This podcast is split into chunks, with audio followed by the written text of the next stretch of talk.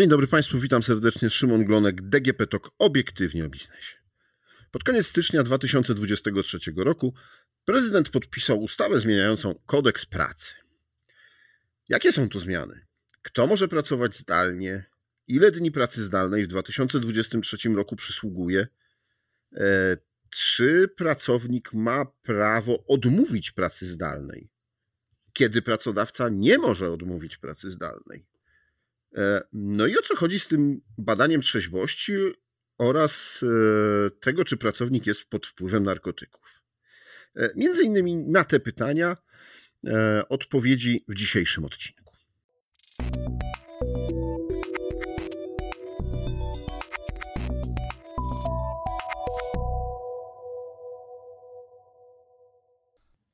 A moim i Państwa gościem jest pani Joanna Rutkowska, dyrektorka HR w Trank Walder.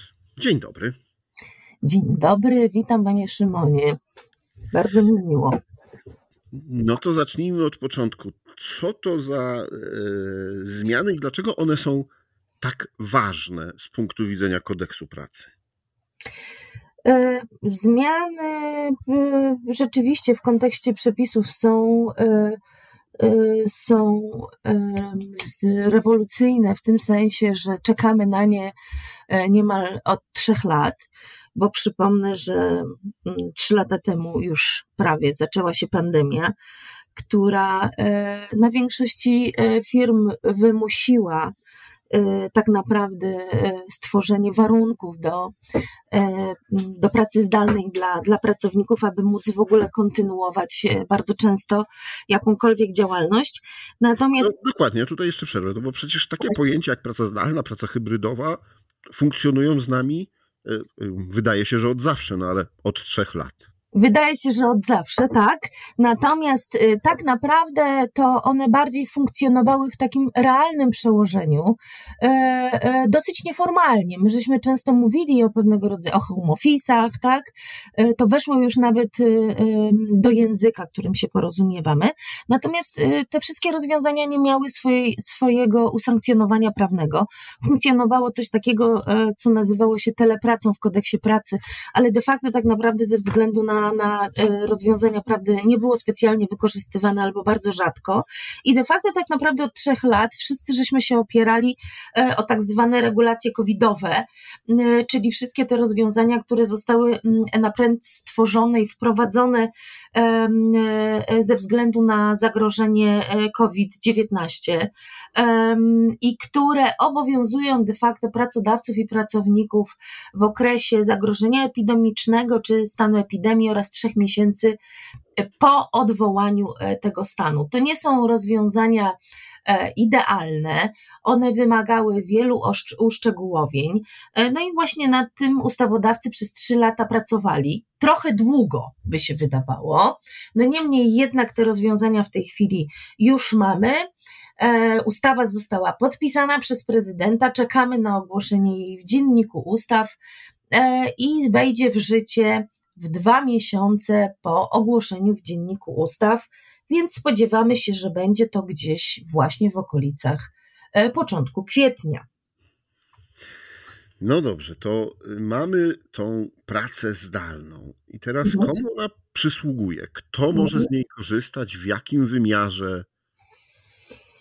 Przede wszystkim, e, jeżeli chodzi o te nowe przepisy dotyczące pracy zdalnej, to w tej chwili mamy mm, stworzone e, e, trzy definicje pracy zdalnej. To znaczy, mamy pracę zdalną, która jest E, e, pełną, całkowitą pracą zdalną, tak się o niej mówi, całkowita, e, czyli 100% pracy pracownik wykonuje zdalnie. Mamy mm, tak zwaną pracę zdalną częściową, która w tej chwili zaczęła nazywana być już powszechnie pracą hybrydową, czyli część z miejsca pracy, a część z innego miejsca ustalonego z pracodawcą. Oraz e, e, e, praca zdalna okazjonalna, czyli w wyjątkowych sytuacjach na wniosek pracownika złożony do pracodawcy i w wymiarze nie większym niż 24 dni w roku. Czyli tak naprawdę nie więcej niż dwa dni e, w miesiącu dla pracownika. Co ciekawe, e, bo w tej chwili mm, trwają dosyć duże, zaczynają się pojawiać w ogóle pytania o interpretację, o, e, o, o mm, tych przepisów mm, w różnych aspektach. No i jednym z pytań jest, czy te 24 dni na pracę okazjonalną to przysługują pracownikowi pracującemu na cały etat, czy też e, e, pracownikowi, który pracuje na część etatu, czy to jest tak jak z urlopem, że to należy liczyć to proporcjonalnie, to znaczy pracującemu na część etatu zmniejszyć tą ilość dostępnych dni.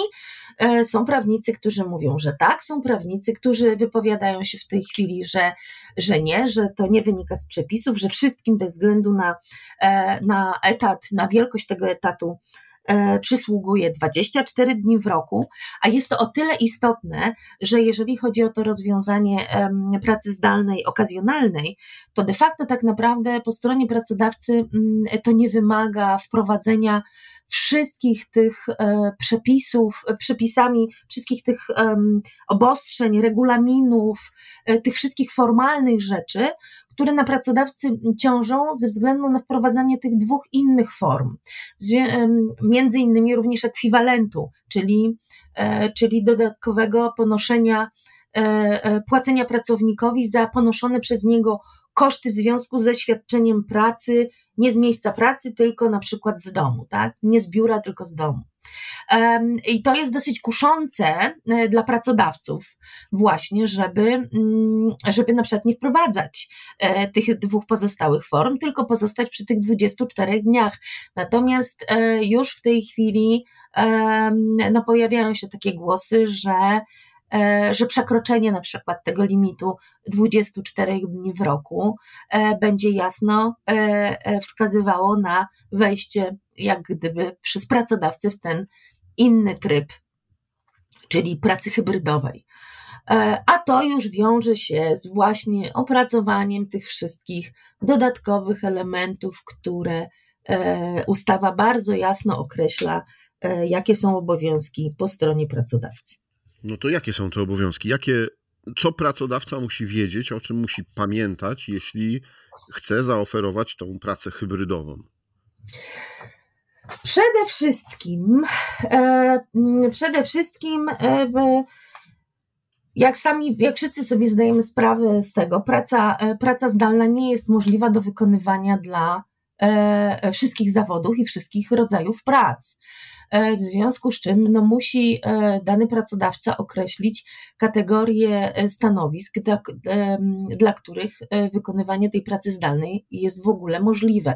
No bo umówmy się, że w dużej mierze jest ono możliwe do wykonywania dla pracowników, którzy wykonują pracę biurową, e, natomiast już dla tych, którzy pracują przy linii produkcyjnej, niekoniecznie, albo dla tych, którzy pracują na przykład w sklepie, no, pracować w sklepie zdalnie się nie da, tak? Bez względu na to, czy jest się, y, pracuje się na kasie, czy gdzieś na zapleczu, czy też w magazynach, E, e, także przede wszystkim trzeba e, określić rodzaje stanowisk, w stosunku do których ta praca zdalna w ogóle może mieć zastosowanie. Właśnie, trzeba określić, przede wszystkim zrobić ocenę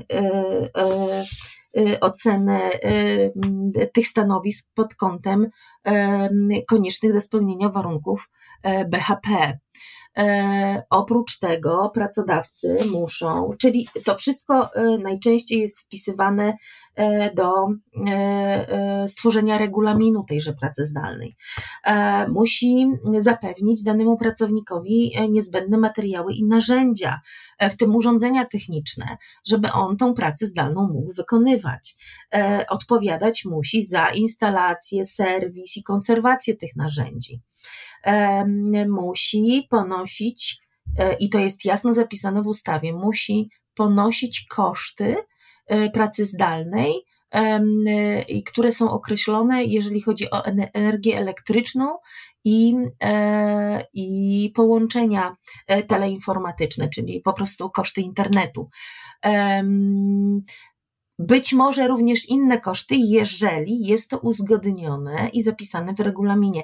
Bo to, co jest ważne, to jeszcze pracodawca musi mm, uzgodnić te warunki świadczenia pracy zdalnej z organizacją związkową, jeżeli e, na terenie pracodawcy taka organizacja działa, e, albo kilka organizacji, albo przynajmniej z tymi organizacjami, w których jest minimum 5% zatrudnionych e, pracowników.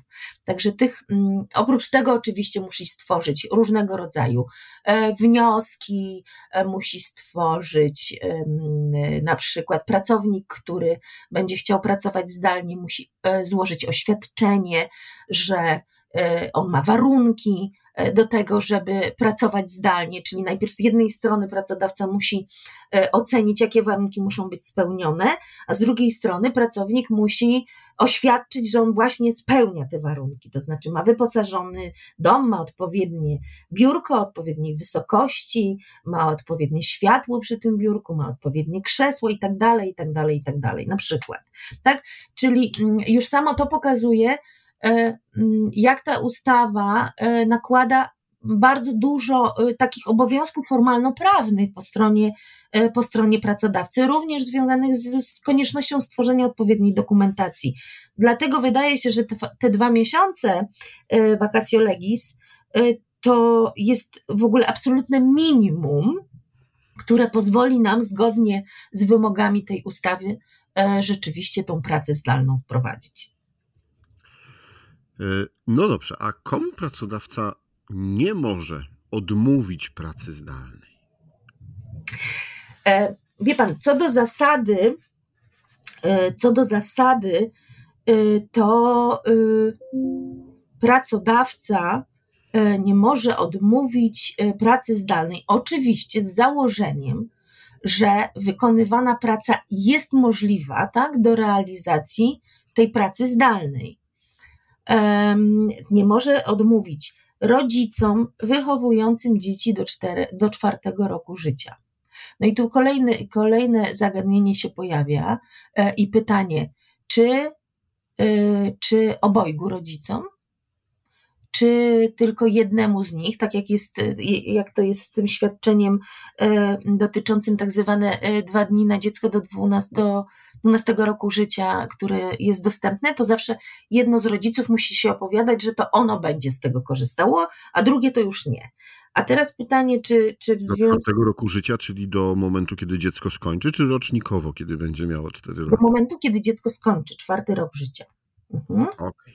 to jest ważna Ważna to jest ważna rzecz, a, a dodatkowo zaraz jeszcze będziemy mieli wprowadzane y, do naszego porządku prawnego y, dyrektywy unijne związane z work-life balance i, i właśnie tą harmonią życia rodzinnego, y, gdzie wiele tych kwestii, które u nas do tej pory mm, dotyczyły właśnie tych obowiązków rodzicielskich związanych z opieką nad dziećmi do czwartego roku życia, zostaje wydłużonych do ósmego roku życia, w związku z czym być może y, to też się zmieni. Być może za chwilę to będzie tak, że będziemy musieli to zmienić i wprowadzić ten obowiązek y, zgody na udzielenie możliwości mm, pracowania zdalnie dla y, rodziców dzieci do ósmego roku życia. Zobaczymy. No na razie jest do czwartego.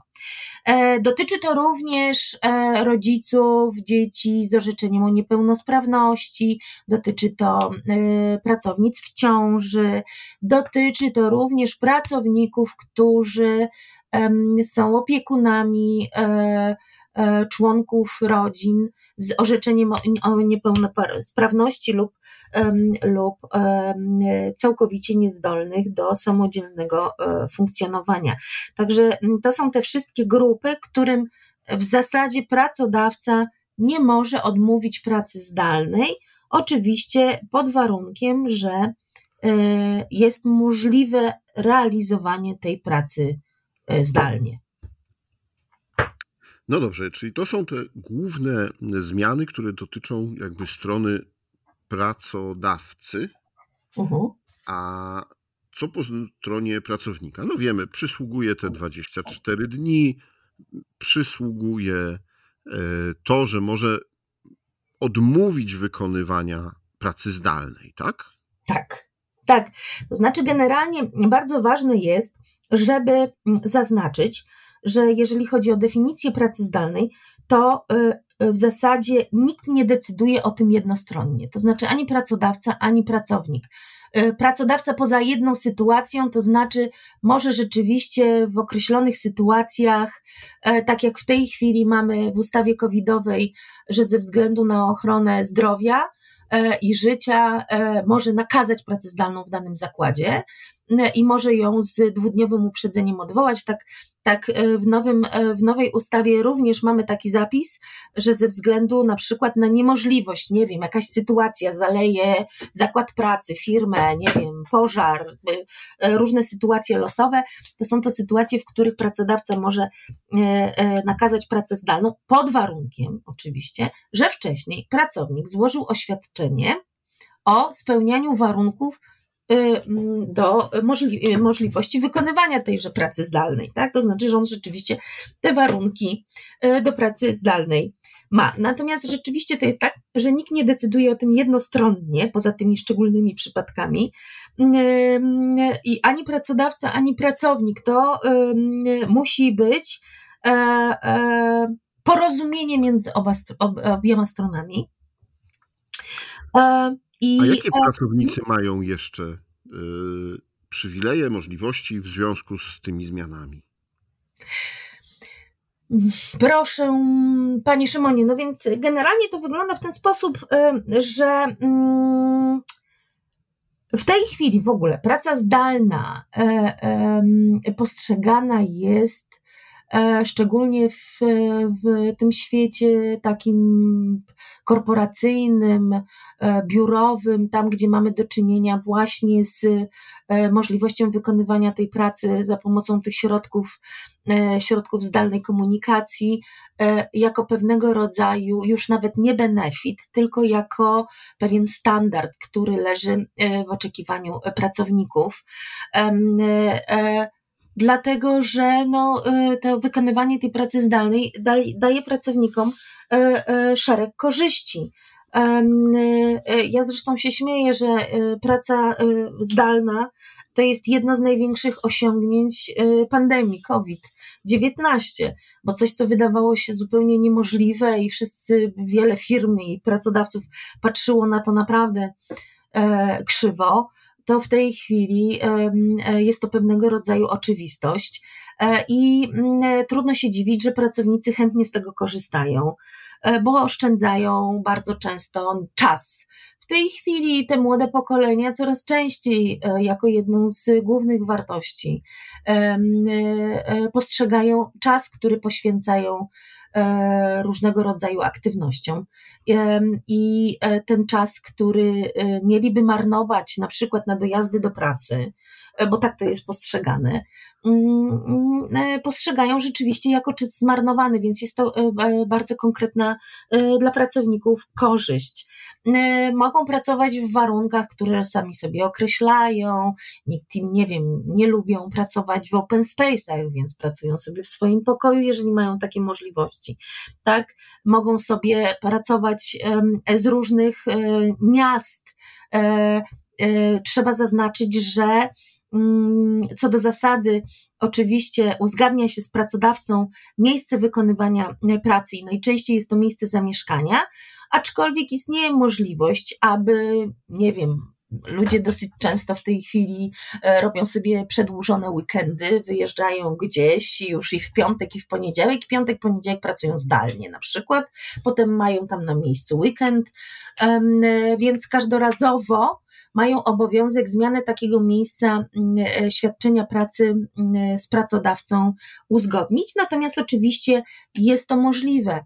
Mm, nie muszą się stosować do wszelkiego rodzaju e, kwestii związanych właśnie z dress codem, bo nie wiem, no to już też znamy z memów tych pandemicznych. Wystarczy zmienić koszulę, e, a można siedzieć w krótkich spodenkach na, na spotkaniach online'owych.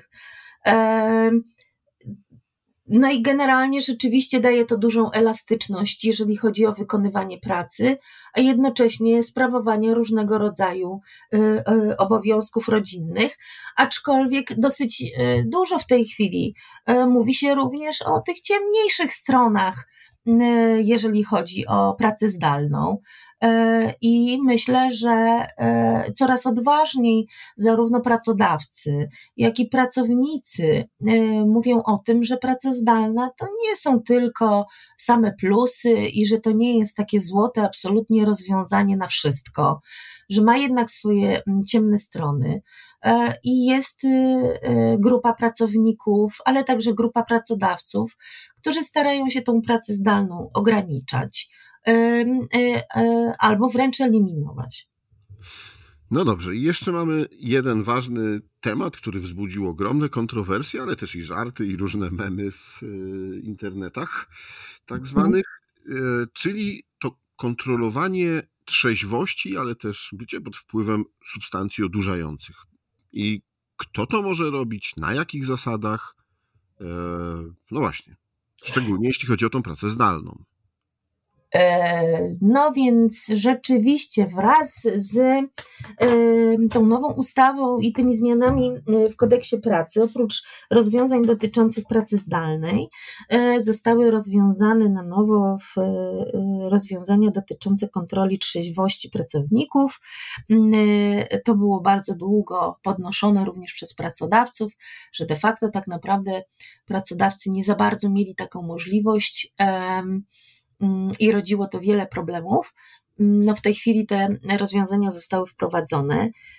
Aczkolwiek e, powiem panu tak, jeżeli chodzi o te kontrole no bo rzeczywiście pracodawca w tej chwili ma możliwość, e, to też nie jest takie proste, że już od dzisiaj trzeba się do tego przygotować, trzeba, e, trzeba to zapisać w wewnętrznych regulaminach, określić grupy, grupy zawodowe, grupy pracowników, które takiej, e, takiej kontroli mogą podlegać, muszą być jasno określone warunki, narzędzia.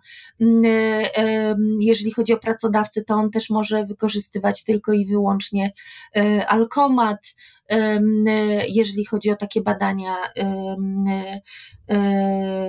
jak do tej pory były, to dalej mogą robić to tylko i wyłącznie powołane po temu służby, czyli najpierw policja, pobieranie krwi, te wszystkie inne rzeczy, także pracodawca takich uprawnień, broń Boże, nie ma. Natomiast, także to nie jest takie hop że to jest z dzisiaj na jutro. E, i, e, i firmy, dla których to jest bardzo istotny czynnik, muszą się do tego przygotować.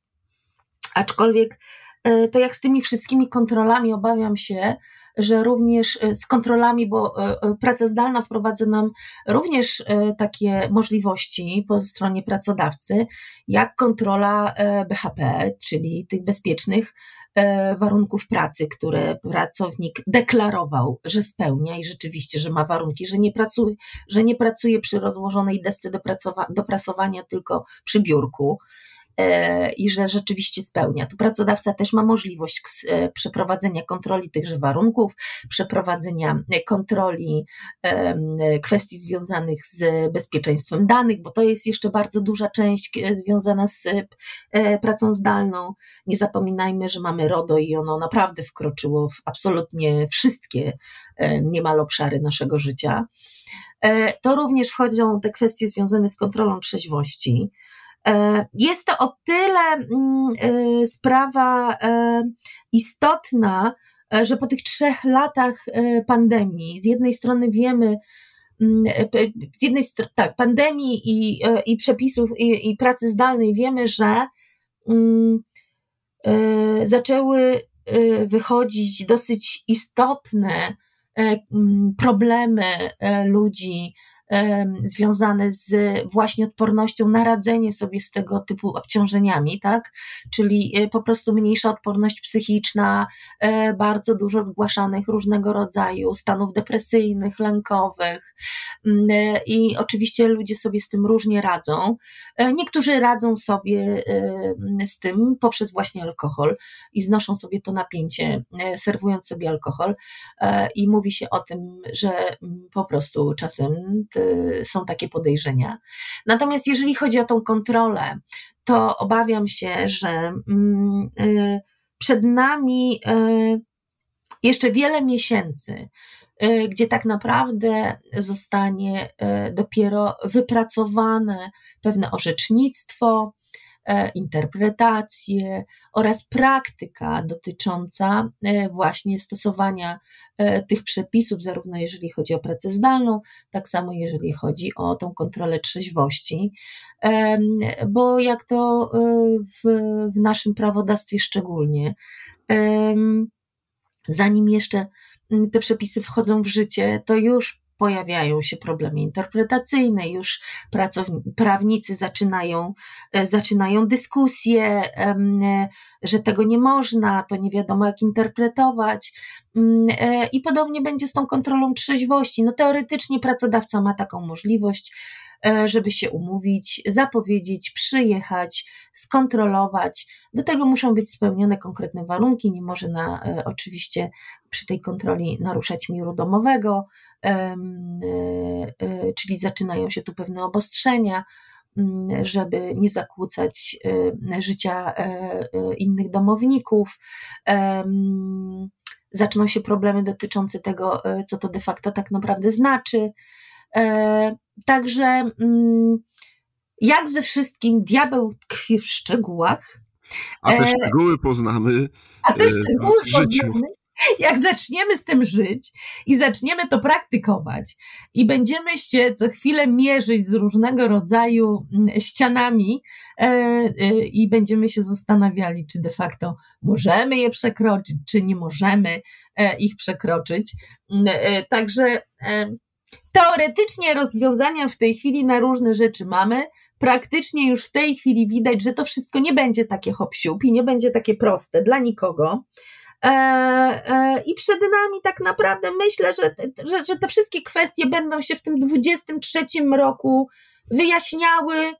E, możemy się spodziewać dużo dyskusji, myślę, w prasie pewnie sporo różnego rodzaju właśnie spotkań, webinarów. Za parę miesięcy na pewno wysypią się właśnie tego rodzaju spotkania gdzie będzie podawany jakiś porządek interpretacyjny związany z praktyką stosowania tych przepisów pojawi się jakieś orzecznictwo, bo zaczną pojawiać się pewnie pierwsze sprawy sądowe, więc zacznie pojawiać się orzecznictwo, co komu wolno, co de facto tak naprawdę te przepisy pozwalają. Więc myślę, że teraz przed nami najciekawsze momenty związane z e, takim życiowym zastosowaniem e, tych nowych rozwiązań. Ja, proszę Państwa, w podcastach DGP też będę się temu przyglądał. E, a co do deski do prasowania, to powiem tylko, że e, mój kolega, znany polski pisarz, w czasie pandemii e, uważał, że deska do prasowania jest jednym z najwygodniejszych mebli do pracy ze względu na to, że dobrze, jest dobra wysokość, na której może postawić laptop do transmisji swoich spotkań z czytelnikami. No, widzę pan. Czasami no. deska do prasowania jest y, właśnie wygodnym narzędziem pracy, nie tylko jeśli chodzi o prasowanie ubrań. Ja myślę, że w związku z tym możemy się spodziewać od co bardziej kreatywnych projektantów e, e, niedługo wypracowania mebla, który będzie spełniał wszystkie nasze potrzeby. I będzie spełniał wszystkie warunki. I biurkiem, I biurkiem, i deską w jednym. Tak Dziękuję Pani bardzo za rozmowę. Dziękuję również, panie Szymonie. Moim i państwa gościem była pani Joanna Rutkowska, dyrektorka HR e, w Tręg Walder, a to było DGP Talk obiektywnie o biznesie. Rozmawiał Szymon Glonek. Do usłyszenia.